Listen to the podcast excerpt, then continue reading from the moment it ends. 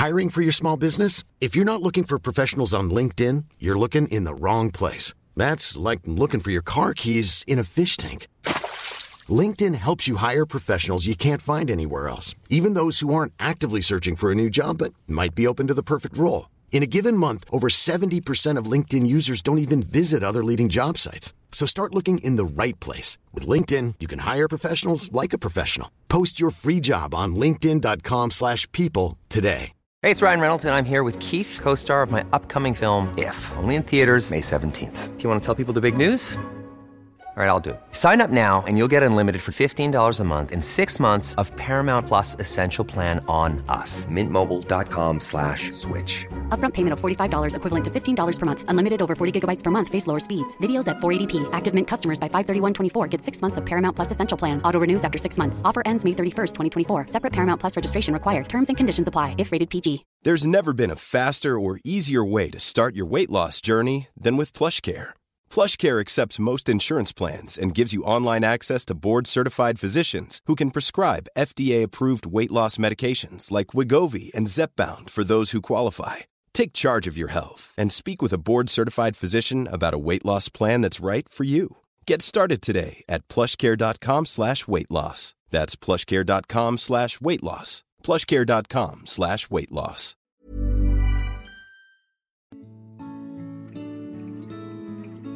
Välkomna tillbaka till podcasten Utan dig med mig Alexandra. Och med mig Emelie.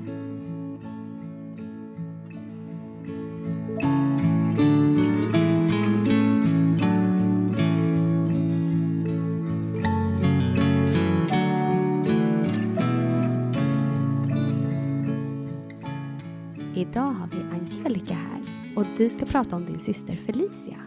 Ja. Välkommen! Tack så mycket. Det känns jättefint för oss att du är här Angelica. Tack. Ja. Det känns bra. Och när du känner dig redo så får du börja berätta om Felicia. Ja, ja jag är ju stora syster till Felicia. Eh, min lilla solstråle. Hon eh, föddes eh, sjuk. Hon eh, föddes med en eh, stor hjärnskada. Och hon föddes även med ett eh, ryggmärgsbråck som gjorde henne förlamad från midjan och neråt. Så hon satt i rullstol. Jag såg aldrig henne som, som sjuk. Liksom, hon var min syster. Och bara hon levde så var jag nöjd. Men hennes liv började ju, eh, om det var åtta veckor i Uppsala med sina föräldrar. Och jag vet att vi åkte dit någon gång. Jag kommer inte ihåg hur många veckor innan, eller efter att hon hade fötts, som vi åkte dit. Men hon var jätteliten och det var slangar överallt och sladdar och vi fick gå i så här äh, slussar för att komma in till henne. Och där låg det ju även andra, andra barn som också var sjuka. Men sen tror jag hon fick komma hem lagom till typ sommarlovet. Och sen var hon, vad jag minns, hemma. Och jag minns att jag alltid har liksom varit stolt över henne. Alltid varit stolt. Var det hennes stora syster. Liksom. Jag gick till, till och med skulle visa upp henne för skolan. Så här är min lilla syster. Kolla vad söt hon är. Mm. Och det var liksom inte så här att hon är sjuk, utan här, kolla här. Och sen bara fortsatte det, fortsatte det där. Vi har alltid gjort saker som familjen har velat. Vi har aldrig tänkt på att det kan vi inte göra för att hon sitter i rullstol eller det kan vi inte göra för att hon inte kanske klarar det. Utan då fick vi försöka göra andra omvägar. Bara liksom vi gjorde det vi trodde hon tyckte var kul och det vi tyckte var kul. Men eh, sen flyttade jag hemifrån.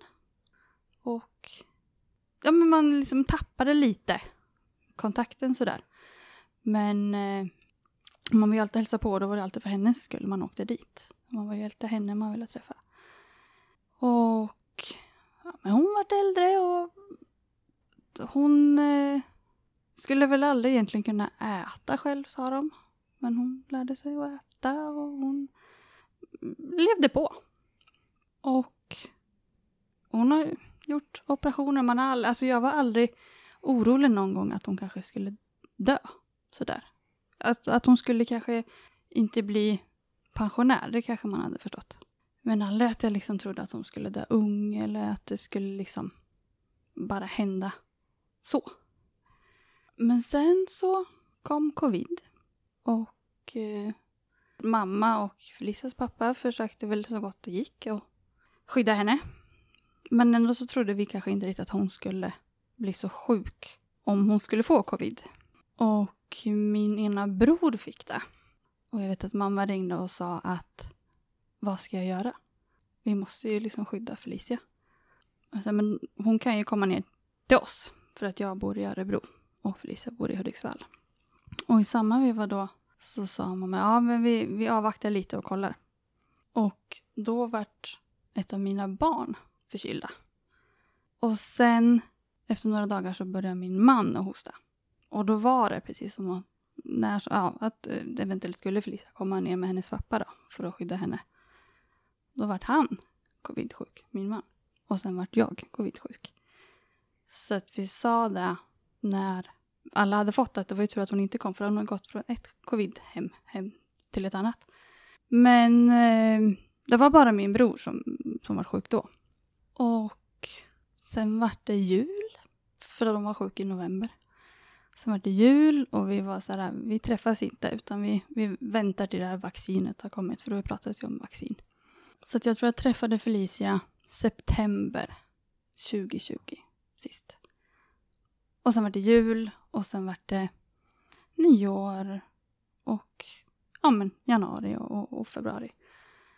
I februari så fyller min äldsta dotter år så hon, hon den 13 februari skulle ha ett kalas för sin bästa kompis eftersom det var covid så kunde vi inte ha ett vanligt kalas. Men hon var iväg, min dotter var iväg på någon innebandyträning och jag höll på att fixa inför att hennes bästa kompis skulle komma. Och vi har otroligt dålig mottagning i huset vi bor i. Men av någon konstig anledning så hade jag telefonen med mig i badrummet och jag hade även öppnat fönstret. Av någon konstig, jag har aldrig gjort det förut. Men då när jag skulle städa så hade jag gjort det. Och då ringer mamma. Mamma hade sagt några dagar för att hon hade börjat känna sig lite förkyld.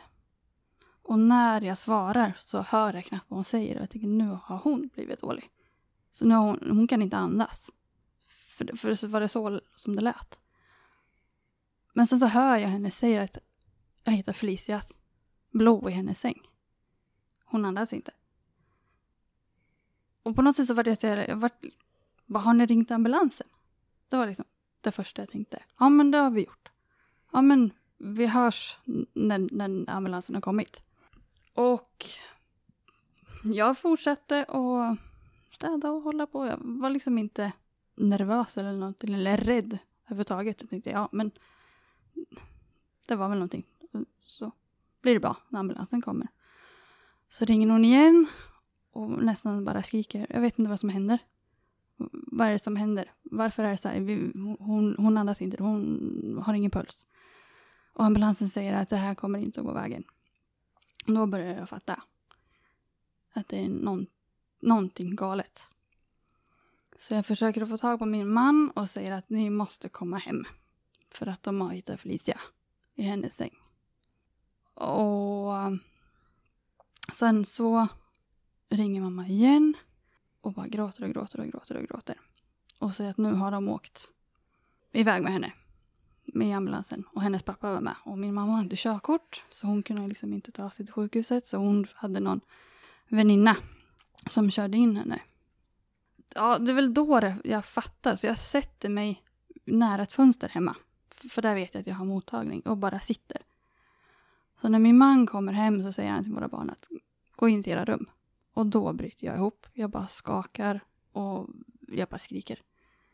Och jag måste åka upp. Så vi försöker skaffa barnvakt så vi kan åka upp. Barnens farmor kommer. Och vi visste ju inte just då att hon hade covid. Utan då var liksom, hon andas inte. Och sen ringer mamma igen och säger Angelica, hon lever. De har fått igång henne. Men hur och när vet jag inte, men de har fått igång henne. Så nu ligger hon, men hon ligger med respirator. Men, men hon lever och liksom glad. Och jag liksom nästan bara känner så här, och jag ska ge dig världens utskällning när vi ses. För att du liksom har skrämt mig så mycket. Och jag vet att jag till och med skriver ett inlägg på Facebook att nu har du skrämt mig igen. För hon har ju, jag tror att hon har lurat döden några gånger, men klarat sig. Men jag vill åka upp ändå. Jag vill liksom vara där när hon vaknar. Så vi packade oss iväg och sen så ringer mamma igen att nej, vänd. Hon har covid. Så kom liksom inte hit. Och då hade vi haft det. Så jag var så här, men jag struntar i det. Jag vill åka upp. Nej men vänd och sen hörs vi liksom senare eller imorgon och sånt där. Så vi åker och hämtar min dotters bästa kompis för henne hade vi fått avstyrt då. Och hennes bästa kompis föräldrar jobbar som ambulansförare. Så vi hade ju berättat lite då hur, vad som hade hänt. Och jag var jätteglad och liksom sa att nej men de hade fått igång henne och det där. Och någonstans där ser jag ju i deras blick att nej, det här kommer ju inte gå vägen ändå. Även om hon lever så kanske hon, hon kommer inte vara sig själv. I och med, med syrebrist och de där. Men hon, hennes bästa kompis följer med oss hem och de ja, men har det roligt, tjejerna. Och under tiden då så har jag sagt att vi kanske kan ha farmor som backup ifall det skulle hända någonting. Och då får jag ett sms till mamma att nej, det är kört. Hon har 24 timmar. Och då rasar ju allting igen och sen vill man ju försöka vara glad så att kompisen fick ju vara hos oss några timmar. Och sen så kör vi hem henne på kvällen och runt åtta på kvällen så åker vi upp. Och då vet vi att hon, hon kommer inte att, eller hon lever inte. Hon, eh, hon har liksom 24 timmar på sig, eller kvar att leva. Så när vi kommer upp och det tar fyra timmar tror jag. Och vi kommer upp strax före kvart över tolv. Och när jag ringer då till mamma så säger hon att läkaren är precis inne hos henne. Och i journalen står det att 00.15 så dödsförklarades hon. Så att man missar ju liksom den där sista minuten. Men när vi kommer upp så är ju hon på post-IVA eller vad det, vad det heter, eller heter. Och där sitter en läkare och väntar på att jag ska komma. Och då han då liksom berättar vad som har hänt och han säger att hon, hon har fått ett hjärtstopp. Vart det kommer ifrån, det vet man inte. Men man vet att hon är covid-positiv och man vet även att mamma är det. Så när han hade pratat klart med mig, då var det liksom på med förkläde, munskydd, visir. Jag slapp handskar. Och så fick man gå liksom in i det där rummet där hon låg då. Och det var ju maskiner överallt. Och det var liksom så konstig känsla att sitta där med ett visir, ett förkläde och ett munskydd. Men jag liksom fick ta henne med mina händer. Men jag fick liksom inte pussa på henne eller något sånt där. Och, och då hon liksom, jag har aldrig sett mm, en död människa. Och sen Felicia var ju den första. Och det var så konstigt för det var liksom, jag menar jag har ju varit med när hon har opererats och varit liksom på uppvaket. Och det var liksom lite så det såg ut. Att hon hade varit på en operation. Och bara, vi var bara väntade på att hon skulle vakna.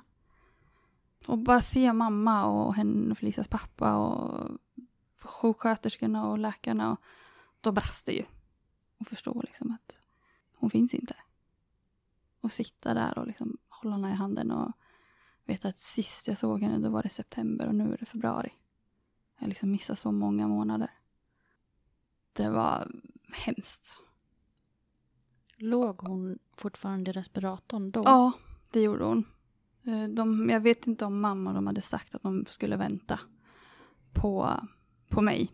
För Felicia har ju mig och som två bröder till. Och det var jag och min, min lillebror och Felicias storebror då, som var med. Nu vår yngsta lillebror klarade det inte. Han hade ju liksom sett allting hemma. För han, Felicia bodde ju hemma. Och även min yngsta lillebror. Så han hade ju liksom sett allt. Och när jag vet att jag ringde till honom och frågade om, han, om vi skulle hämta honom på, inför att vi skulle åka till sjukhus. Han sa nej. Det räckte att liksom se det som. Jag vill, jag vill minnas henne. Innan det, allt det här hände. Så ehm, då väntar de till kvart i ett på natten. Och då drog de ut, eller stängde de av respiratorn. Och det var liksom så sjukt, för man har ju liksom sett eller hört förut att ja, men de andas kanske lite själv. Sådär. Men allt med Felicia, det, det stannade ju av. Allting. Och hon var ju jättekall på en gång. Och, och då vet jag att jag frågade läkaren när, liksom, när dog hon. Och då sa han att på papperna kommer vi skriva kvart över tolv. När han hade gjort den sista liksom, undersökningen av henne. Men han sa också att för, för, det spelar ingen roll om ni säger kvart över tolv eller kvart i ett på natten. Det är liksom sak samma. Men då inser vi att hon har ju alltså dött på alla hjärtans dag i år. Bara en sån grej var ju jobbigt. Liksom, då vet man att en sån dag kommer alltid förknippas med ja, men att hon dog. Men ändå väldigt fin, för liksom en alla, alla hjärtans dag ska ju ändå handla om, om kärlek. Och det liksom var ju där man kände för henne. Ja, men hon var på ett sätt mitt allt. Jag har alltid liksom sagt varit stolt över henne, alltid liksom pratat gott. Alltid, och jag har liksom fått hört av folk att det var så fint med er familj för att ni gjorde aldrig skillnad på Felicia. Mina barn och henne som mellannamn och hon liksom var med när ett av mina barn döptes och hällde liksom vattnet i dopfunten. liksom, hon har alltid blivit inkluderad. Och det är väl det som också är extra jobbigt. Att man tog till sig henne så himla, himla mycket. Sen älskar jag mina andra bröder också, men det var, hon var något speciellt. Du pratade ju lite där i början av avsnittet att hur det var när Felicia föddes. Mm. Och du är ju några år äldre än henne. Mm. Hur många år skiljer det sig Det är tio år mellan mig och Felicia. Och jag vet att när hon föddes så var jag så här, jag ska inte bli någon extra mamma, men jag ska bli här nummer två. Först ska det vara mamma och pappa, men sen ska det faktiskt vara Angelica. Det är liksom Angelica som jag ska, ska gå till om det, om det är någonting. Eller, och jag vet att jag jag lärde henne massa saker. Jag lärde henne rulla med rullstolen och jag lärde henne att dricka liksom vatten ur ett sugrör. Sådana här saker som läkarna aldrig sa att hon eventuellt skulle klara. Och jag vet att hon skulle även få en knapp på magen för att sondas. Men bara några dagar före så började hon äta och sen älskar hon ju mat. Det var ju det bästa hon visste. Så ja, man kanske varit som en liten extra mamma men det var så här, stora syster ska Stora syster ska vara bäst. En rolig extra mamma Ja, Som precis. inte bara tjatar. Nej, och som alltid fick göra precis som hon ville när hon var hemma hos oss. Hade hon någon favoritmat? Ja, hon älskade någon slags gratäng som vi gjorde. Med, med ris och det var kassler och purjolök och majonnäs och grädde och ketchup. Och, sån här. och den har jag jättesvårt att äta idag. Speciellt när mamma och de kommer på besök. Det vill säga, vi kan inte äta sån mat som Felicia tyckte om, för då blir det jobbigt. Så det blir alltid så tråkig mat hemma hos oss. Men eh, på sjukhuset sen, när vi skulle lämna henne, så var det så jättekonstigt. För jag vet att vi satt där några timmar, så sa jag, nej men nu åker vi. Och jag vet att jag tittade upp, för hon låg liksom högst upp i vå- på våningen. Så det var väl Iva. Och det var så här mörkt, men just där hon låg, där löste. Och så man visste så här, där ligger hon själv nu. Och vi försökte liksom fråga vad, vad kommer hända Eh, med henne. Och då sa de att de kommer att lägga henne i en sån här covid-säck. Och där måste hon ligga i, om det var minst, om det var typ 30 dagar. För att man vet inte hur en död kropp med covid sprider. Om det kan spridas, viruset. Och sen så vet jag att vi sov inte hemma hos mamma. Utan jag sov hos en kompis. Och sen så ringer mamma till mig och bara gråter. Då har hon gått och lagt sig i liksom Felicias säng. Och bara säger att jag vet inte hur jag ska klara det här. Och ha sin egen sorg plus att man vet att mamma och Felicias pappa är också helt förstörda. Den var ju fruktansvärd. För jag grät och mamma grät. Och Felicias pappa grät inte till en början. Men han var nog väldigt, väldigt chockad. Så dagen efter när vi hade sovit några timmar så åkte vi hem till mamma. Och gick in i Felicias rum. Och då var det precis som att nej, men hon är bara på sjukhus. Hon har ja, men en operation. Hon kommer hem snart. Men det var så skönt att sitta i hennes rum. För hon hade någon fåtölj där. Som man, jag, bara, jag bara satt. Och liksom sa ingenting. Sen kom liksom mamma och satte sig. Vi sa ingenting. Och sen kom Felicias pappa och satte sig. Vi sa liksom ingenting. Min man kom. Vi bara satt där. Och sen kom min yngsta bror också. Och det var så skönt. Ingen sa någonting. Ingen grät det var liksom bara tyst. Men ändå så var det så skönt att sitta där och bara försöka reflektera.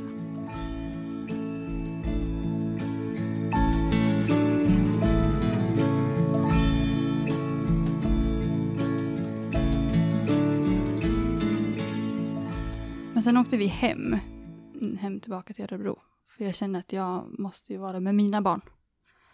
Och mina barn är åtta och tre. Treåringen minns ju inte så mycket, men åttaåringen minns ju. Och jag kände liksom att henne har jag ju bara skuffat undan för att, för att jag liksom var chockad. Så jag kände att vi måste hem för att prata med henne. Och jag menar hon måste ju liksom kunna få reflektera kring hennes sorg. Och jag kände att jag måste hem och tända ett ljus. Jag måste göra ett minnesplats hemma. Samma dag som hon dog. Och eh, gjorde det. Och sen hade jag ett ljus, det brann typ mer eller mindre dygnet runt. Inte när jag sov, men annars så fort jag vaknade. Och då var det så här, god morgon Felicia. För jag läste ett kort precis bredvid. Och sen vet jag att när det här upptäcktes så vet jag att det började gå rykten om att det var en ung tjej i den kommunen Felicia bodde i som hade dött i covid.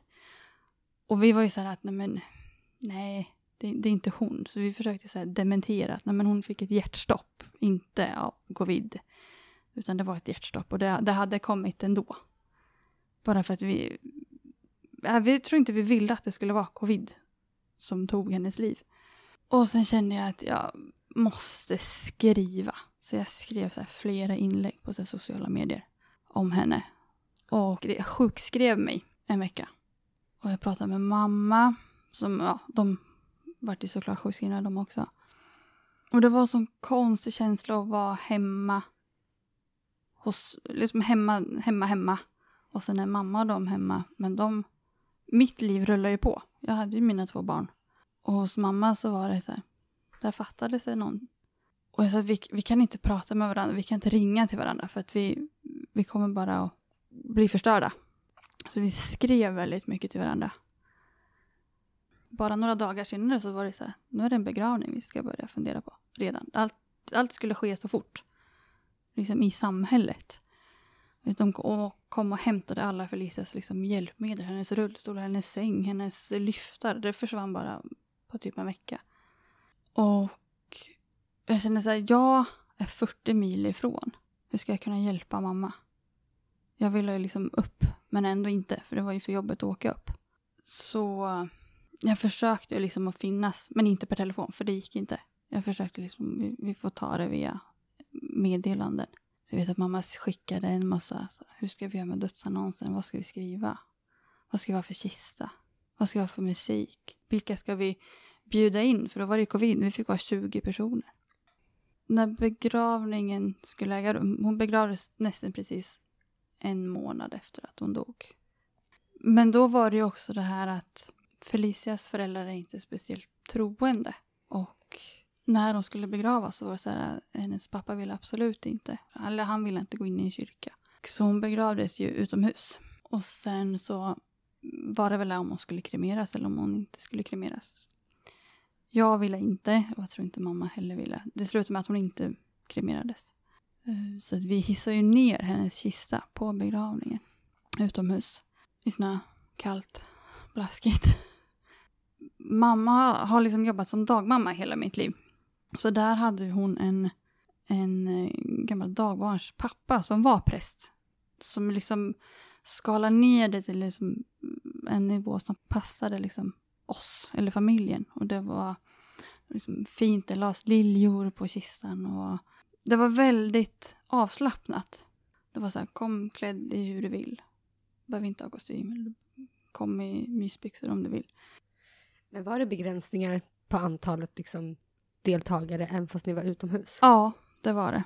Så vi var, jag tror vi var 15 personer tror jag. Jag tror man fick vara 20 men som, ja men blir man sjuk så får, får man ju inte vara med. Så jag tror vi var ungefär 15 stycken.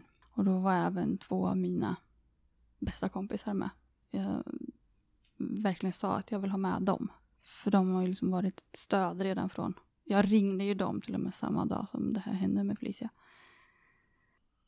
Bara några dagar efter hon dog, då skrev jag liksom ett brev till henne, till Felicia.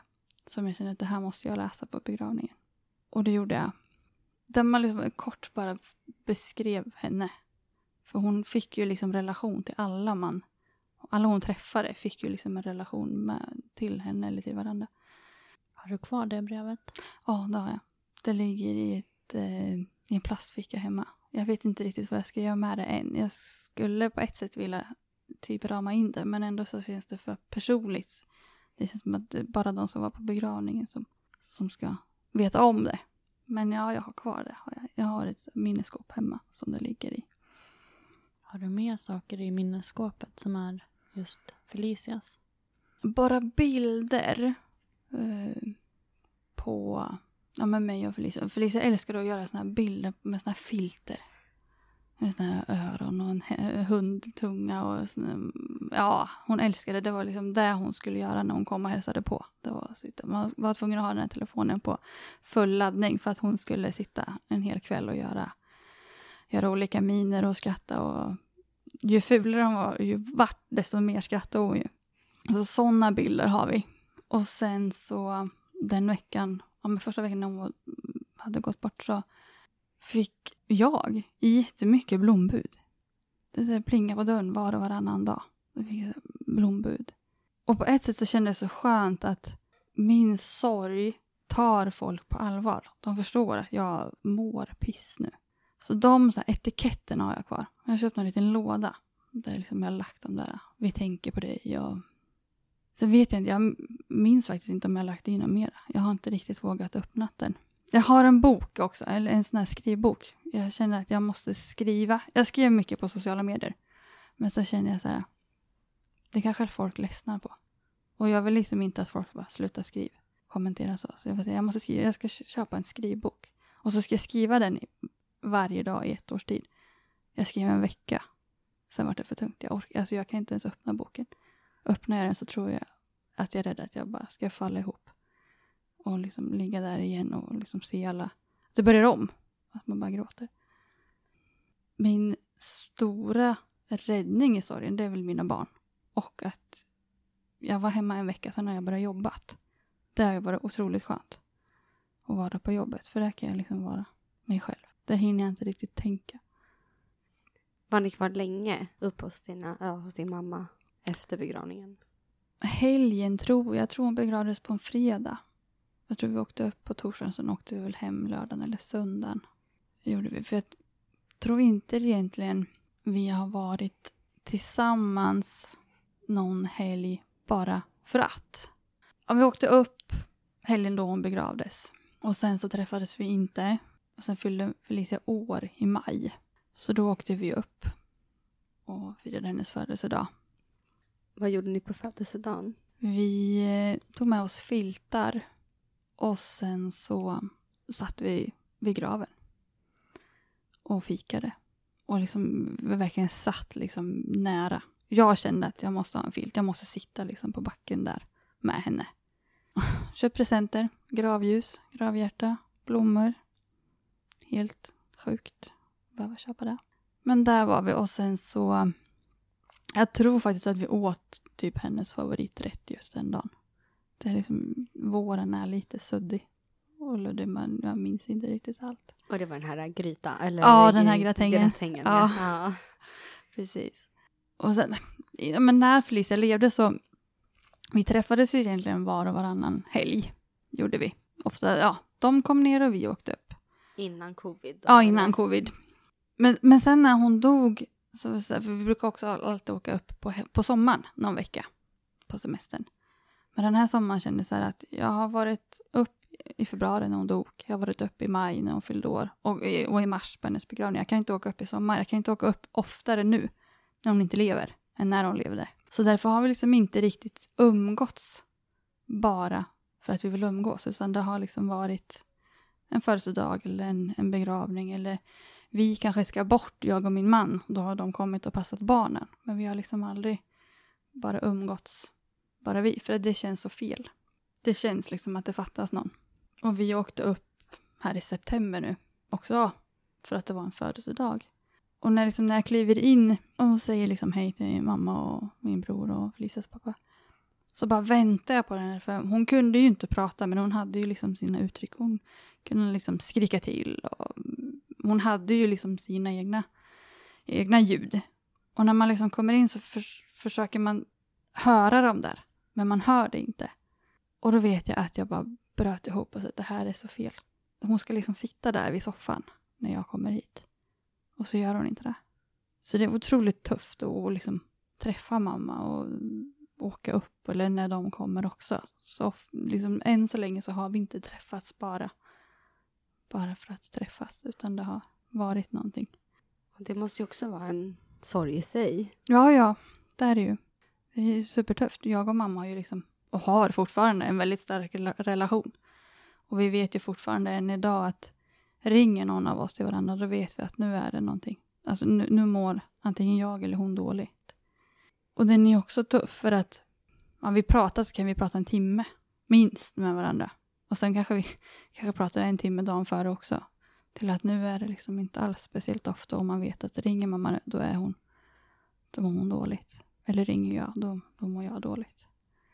Och eh, dina bröder, Mm. pratar du ofta med dem och så? Inte jätteofta. Min yngsta bror är 17. Jag har inte pratat speciellt mycket om Felicia med honom. Och inte min andra bror. Han är 27. Inte heller jättemycket. Jag tror liksom det är för tufft för oss, för oss allihopa. Och liksom alla vi tre hade ju liksom speciella relationer med Felicia också. Pratar ni mycket om Felicia hemma? Du och din man och barnen? Och... Ja, det gör vi. Jag försöker ju verkligen prata med, liksom, med min treåring. Att här är din moster. Och min eh, åttaåring, hon kan ju alltså, kommer du ihåg mamma? Med Felicia. Eller hon kan eh, säga att ja, men idag gick vi till kyrkan med skolan. Eller hon går på kör och så kan hon säga idag vart jag ledsen mamma för jag tänkte på Felicia när vi var i kyrkan. Det river upp så mycket. Fast såklart ska hon få prata om sin saknad. Men, men ändå, åh, nu ska jag liksom försöka vara pedagogisk och ändå så blir jag liksom ledsen inombords. Att en åttaåring ska behöva liksom bära på de här, på de här grejerna. Hon ska liksom inte behöva prata med sin moster som inte finns. Men vi pratar jättemycket och jag fick även en stor canvastavla av mina två bästa kompisar på Felicia. Och den sitter liksom på övervåningen. På ett stort staffli. Så, och på nedervåningen så har vi också sån här minnes, minnesplats. Så hon finns ju liksom överallt. Och eh, rätt så tätt inpå att, att Felicia dog så sa jag att jag måste ha en jag måste ha en tatuering. Jag måste ha en minnestatuering av Felicia. Och den måste jag ha innan begravningen. Det var bara så. För sorgearbetet. på något sätt. Jag, jag måste bära henne. Liksom på min kropp. Och den kan jag också barnen liksom säga. Ja men det där är, det är liksom minnet av henne. Hur ser den ut? Den ser ut så. Det är Felicias namn med en eh, vinge. Jättefin. Mm. Tack. Det. Och jag har också alltid sagt det. Jag är ingen så här tatueringstjej. Men ska jag ha någon tatuering så är det en, ett, ett minne av Felicia. Om det skulle hända henne någonting. Så liksom det var bestämt så långt innan att ska jag ha någon så ska det vara på henne, någonting för henne. Och då var den där så självklar. Med en vinge och så hennes namn. Har du något eh, favoritminne med Felicia? Oj, jättemånga. Ja, men det, det är nog alla de här gångerna man satt i soffan och gjorde de här eh, roliga liksom, gubbarna. Och även så kunde hon...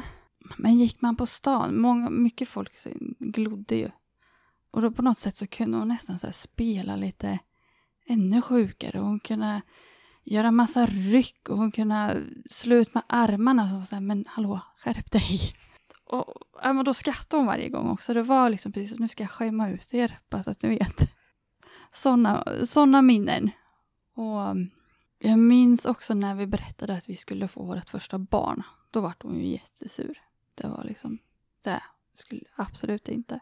Och jag vet att hon försökte liksom alltid nypa henne. Ett litet stackars spädbarn skulle hon nypa. Hon kanske blev lite sotig. Ja, jag tror det. Men sen när vi fick barn nummer två, då var hon jättegosig och skulle pussa och skulle liksom hade henne i famnen och se så jättestolt ut. Men jag tror det var väl liksom där, först var det bara Angelica och sen så skaffade Angelica kille. Ja, då var det liksom Angelica och en kille. Men henne, honom snodde hon ju. Så ja, det var ju hennes favorit. Och sen när hon liksom hade smält där, ja men då var det liksom Angelica kille och ett barn. Jaha, då var hon tvungen att smälta där. Och sen när hon var van vid ett barn, ja, då spelade det kanske inte så stor roll att det kom ett till barn. Men har du något minne av om du tänkte att Felicia var annorlunda? Jag tänker på när du var mindre. There's never been a faster or easier way to start your weight loss journey than with PlushCare.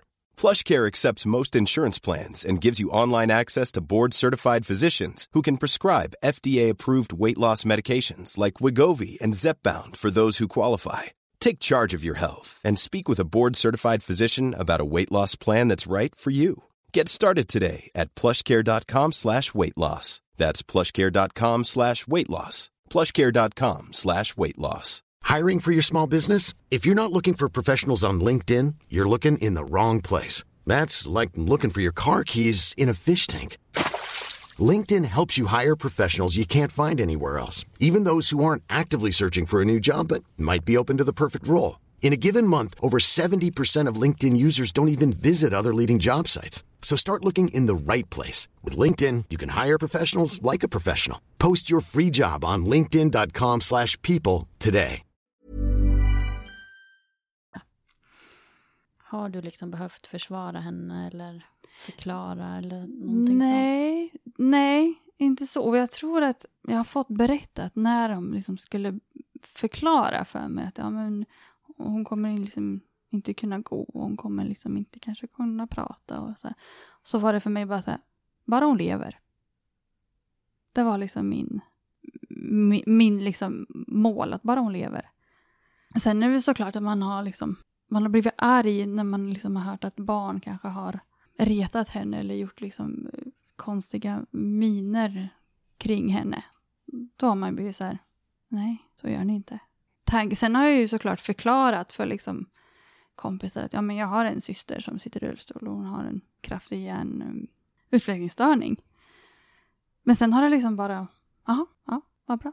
Så man har liksom aldrig behövt utveckla någonting utan och sen har det, aldrig varit så, ja men där är Angelica som har en syster som sitter i rullstol, eller där är Angelica som sitter, har en sjuk syster. Så tror jag aldrig har varit. Och eh, ja, framförallt när jag tänker på din äldsta eh, dotter. Mm. Har hon ställt mycket frågor? Nej, jag tror, tror inte det. Utan hon har väl frågat kanske varför hon sitter i rullstol har suttit i rullstol eller varför hon inte kan prata. Och då har hon liksom varit ja men det, det vart så när hon föddes. Hon föddes sjuk och då har liksom, då har det varit så. Har det inte varit jobbigt för dig på något sätt att du liksom har fått eh, tävla lite om uppmärksamhet eller någonting sånt? Nej. Hade du frågat mig om jag var tonåring så hade jag säkert sagt jo. Men nej. Jag har liksom funderat på det där. Det är klart att vi kanske inte fick samma uppmärksamhet. Det fick vi ju inte för att jag menar, hon krävde ju liksom sina, sina behov. Och hon var mycket på sjukhus till och från. Men aldrig tror jag att jag behövt tävlat. Det har nog liksom alltid funnits att ja, men det, Felicia kräver sitt. Och Felicia behöver det här. Jag kan liksom backa. Men ändå så har vi alltid varit en sån stark familj att man alltid har funnits liksom tillsammans. Det låter väldigt så här skönt och naturligt och självklart när du berättar om er familj. Ja, och jag tror det var så. Liksom, men så så här, vill vi åka på en semester, då gjorde vi det. Hon fick följa med. Och jag vet att när vi liksom letar bostad, ja men vi måste hitta någonstans med hiss bara, så att hon kommer upp. Det var liksom, det var aldrig krångligt med liksom saker. Då hade vi inte hiss, nej men då fick vi bära henne. Det löste sig liksom alltid. Efter nu att Felicia dog, vad känner du har varit det bästa stödet för dig? Alltså det har nog varit att jobba. För där någonstans, jag kommer ju aldrig bli mig själv. Jag känner ju att en bit av mig är ju borta. I och med att Felicia inte finns. Men på jobbet så blir jag liksom inte behandlad annorlunda. Jag blir, liksom, och det sa jag också att, fråga gärna, jag pratar gärna om Felicia. Jag är otroligt stolt över Felicia. Och jag kan prata utan att gråta. Men titta inte på mig som om att jag liksom har förlorat någon. Utan låt mig få vara som innan. Så jobbet så. Men sen också prata. Jag kan liksom skriva ut på sociala medier när jag mår dåligt. Och liksom få de här reaktionerna, tänker på dig eller hjärtan och allt det där man kan få. Så bäst av, ja men prata, skriva och få jobba. Finns det någonting som du känner har varit mindre bra? Någons bemötande eller något som du saknat liksom? Jag vet att när jag ringde och berättade för en släkting så var det den sa ja, men hon var ju sjuk. Och det är också så här, men för mig så var hon inte sjuk. För mig så var hon min lilla syster och hon har dött. Den tyckte jag var jobbig. Och sen så tror jag det har väl varit mest jobbigt det här att se mamma och Felicias pappa. Vi vill hjälpa dem. Men du har aldrig upplevt liksom att någon eh, förminskar din sorg för att du, ja, inom situationstecken, bara är syster liksom? Nej, det tycker jag inte. Utan det har liksom varit... Men det har liksom blivit så här för dem också. Wow, vad liksom fin familj ni var. Eller vad mycket du faktiskt berättar gott om henne. Och, och, men ändå så blir det så här. Men usch, jag tänker på din mamma och pappa också. Att de tänker liksom, de förstår ju hur jag mår och så tänker de på mina föräldrar. Men inte att jag har känt någon förminskning. Att det har jag inte gjort. Vad skönt, för det känns som att den risken kanske finns. Jag vet inte Mm. riktigt, vi har inte haft så många syskon med, Nej. men det känns fint att man liksom blir erkänd i sin sorg. Mm. Liksom. Jag funderar lite på, för du berättade där att ni till en början inte ville att dödsorsaken skulle vara covid. Mm. Har ni tänkt mycket på det? Är det typ någonting som ni går och grubblar på? Hade vi typ kunnat skydda henne ännu bättre? Det är klart att man, man tänker, för nu har det väl börjat sjunka in att ja, men det kanske faktiskt var covid som tog hennes liv. Och någonstans kan jag känna att ska det vara någonting så får det gärna vara covid. Jag vill inte att det bara ska vara att hjärtat la av, utan jag vill att det ska finnas en orsak varför det gjorde det. För även om Felicia var sjuk så, så var hon liksom frisk. Hon hade inga tecken på något dåligt hjärta eller sådana här saker. Men själva dödsorsaken i hennes journal är, Hjärtstopp. så ni vet inte om det var corona eller Nej. inte? egentligen? Precis, och hon obduceras ju inte. Så vi får ju inte liksom svaret. Men hon, hon behandlades ju som en covid, covid-patient. Hon fick ju ligga i den där säcken och jag tror också även när hon begravdes så fick hon inte ha kläder. För att hon var tvungen att ligga i den här säcken då.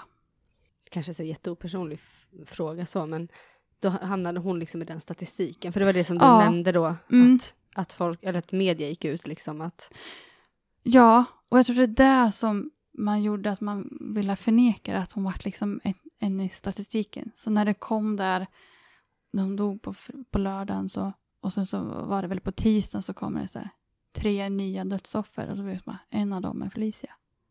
Jag ville liksom inte ha att hennes liv ska finnas på någon så här statistiksida.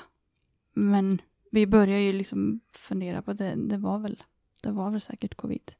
Men man såg inga tecken på att hon hade det mer än att hon visade positivt. Ja, nej, ingenting. Och inte min mamma heller. För, och det var ju det som var så, så chockat att ja, men hon har covid.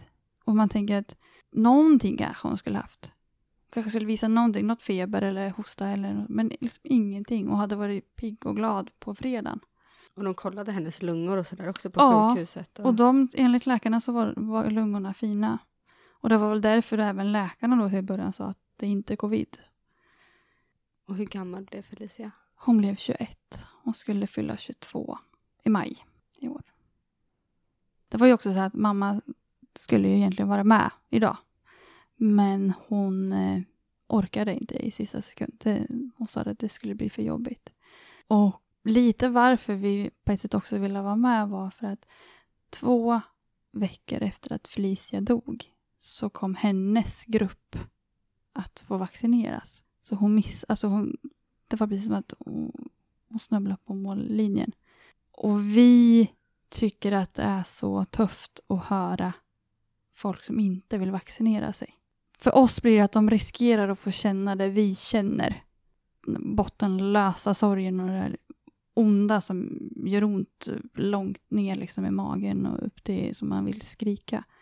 Så att jag tror att mamma hade nog liksom verkligen velat fått kanske de som inte vill vaccineras och förstå att det här, det här är inte roligt. Det är inte roligt att må så här och det är inte, det är inte roligt att behöva planera sin dotters begravning och säga hej då. Fullt munderad med visir, munskydd och förkläde och inte liksom få pussa på sin dotter för sista gången.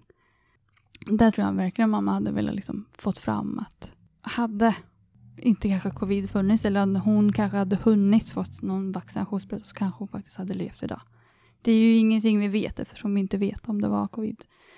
Men vi börjar ju liksom tro att hade hon fått sprutan så kanske hon hade, hade levt idag. Hade Felicia någon favoritlåt?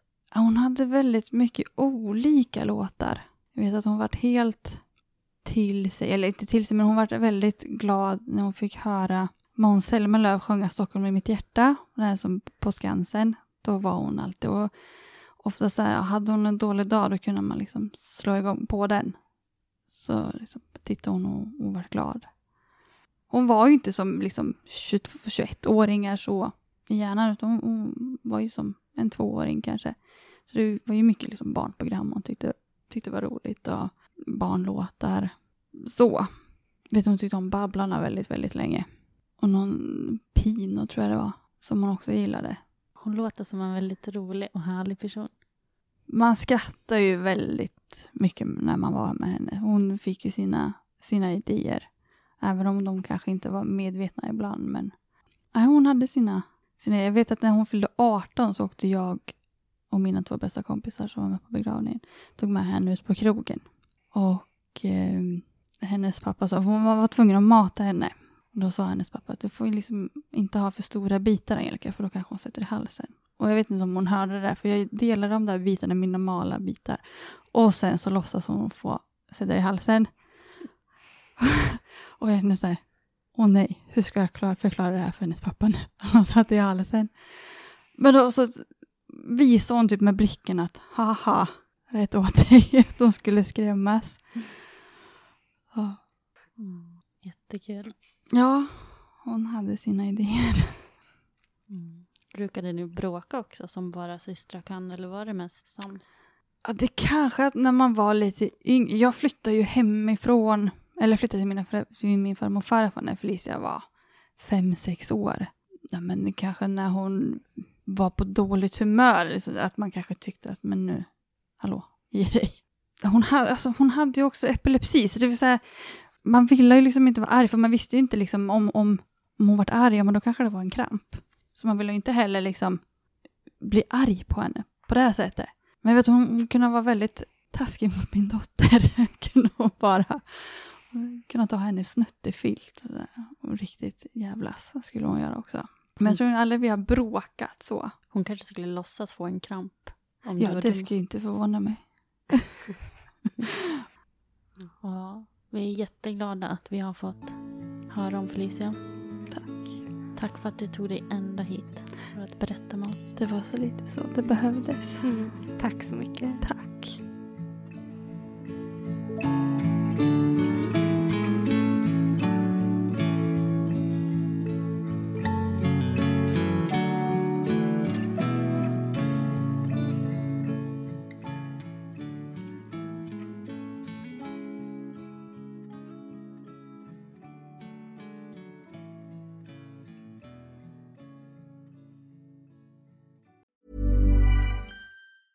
Hi, I'm Daniel, founder of Pretty Litter. Did you know cats tend to hide symptoms of sickness and pain? I learned this the hard way after losing my cat, Gingy. So I created Pretty Litter, a health monitoring litter that helps detect early signs of illness by changing colors, saving you money and potentially your cat's life. Pretty Litter is veterinarian developed, and it's the easiest way to keep tabs on your fur baby's health right at home. Go to prettylitter.com and use code ACAST for 20% off your first order and a free cat toy. Terms and conditions apply. See site for details. Imagine the softest sheets you've ever felt. Now imagine them getting even softer over time. That's what you'll feel with Bowl and Branch's organic cotton sheets. In a recent customer survey, 96% replied that Bowl and Branch sheets get softer with every wash. Start getting your best night's sleep in these sheets that get softer and softer for years to come. Try their sheets with a 30-night guarantee. Plus, get 15% off your first order at bowlandbranch.com. Code BUTTERY. Exclusions apply. See site for details. Planning for your next trip? Elevate your travel style with Quince. Quince has all the jet setting essentials you'll want for your next getaway, like European linen, premium luggage options, buttery soft Italian leather bags, and so much more. And is all priced at 50 to 80% less than similar brands. Plus, Quince only works with factories that use safe and ethical manufacturing practices. Pack your bags with high-quality essentials you'll be wearing for vacations to come with Quince. Go to quince.com/pack for free shipping and 365-day returns.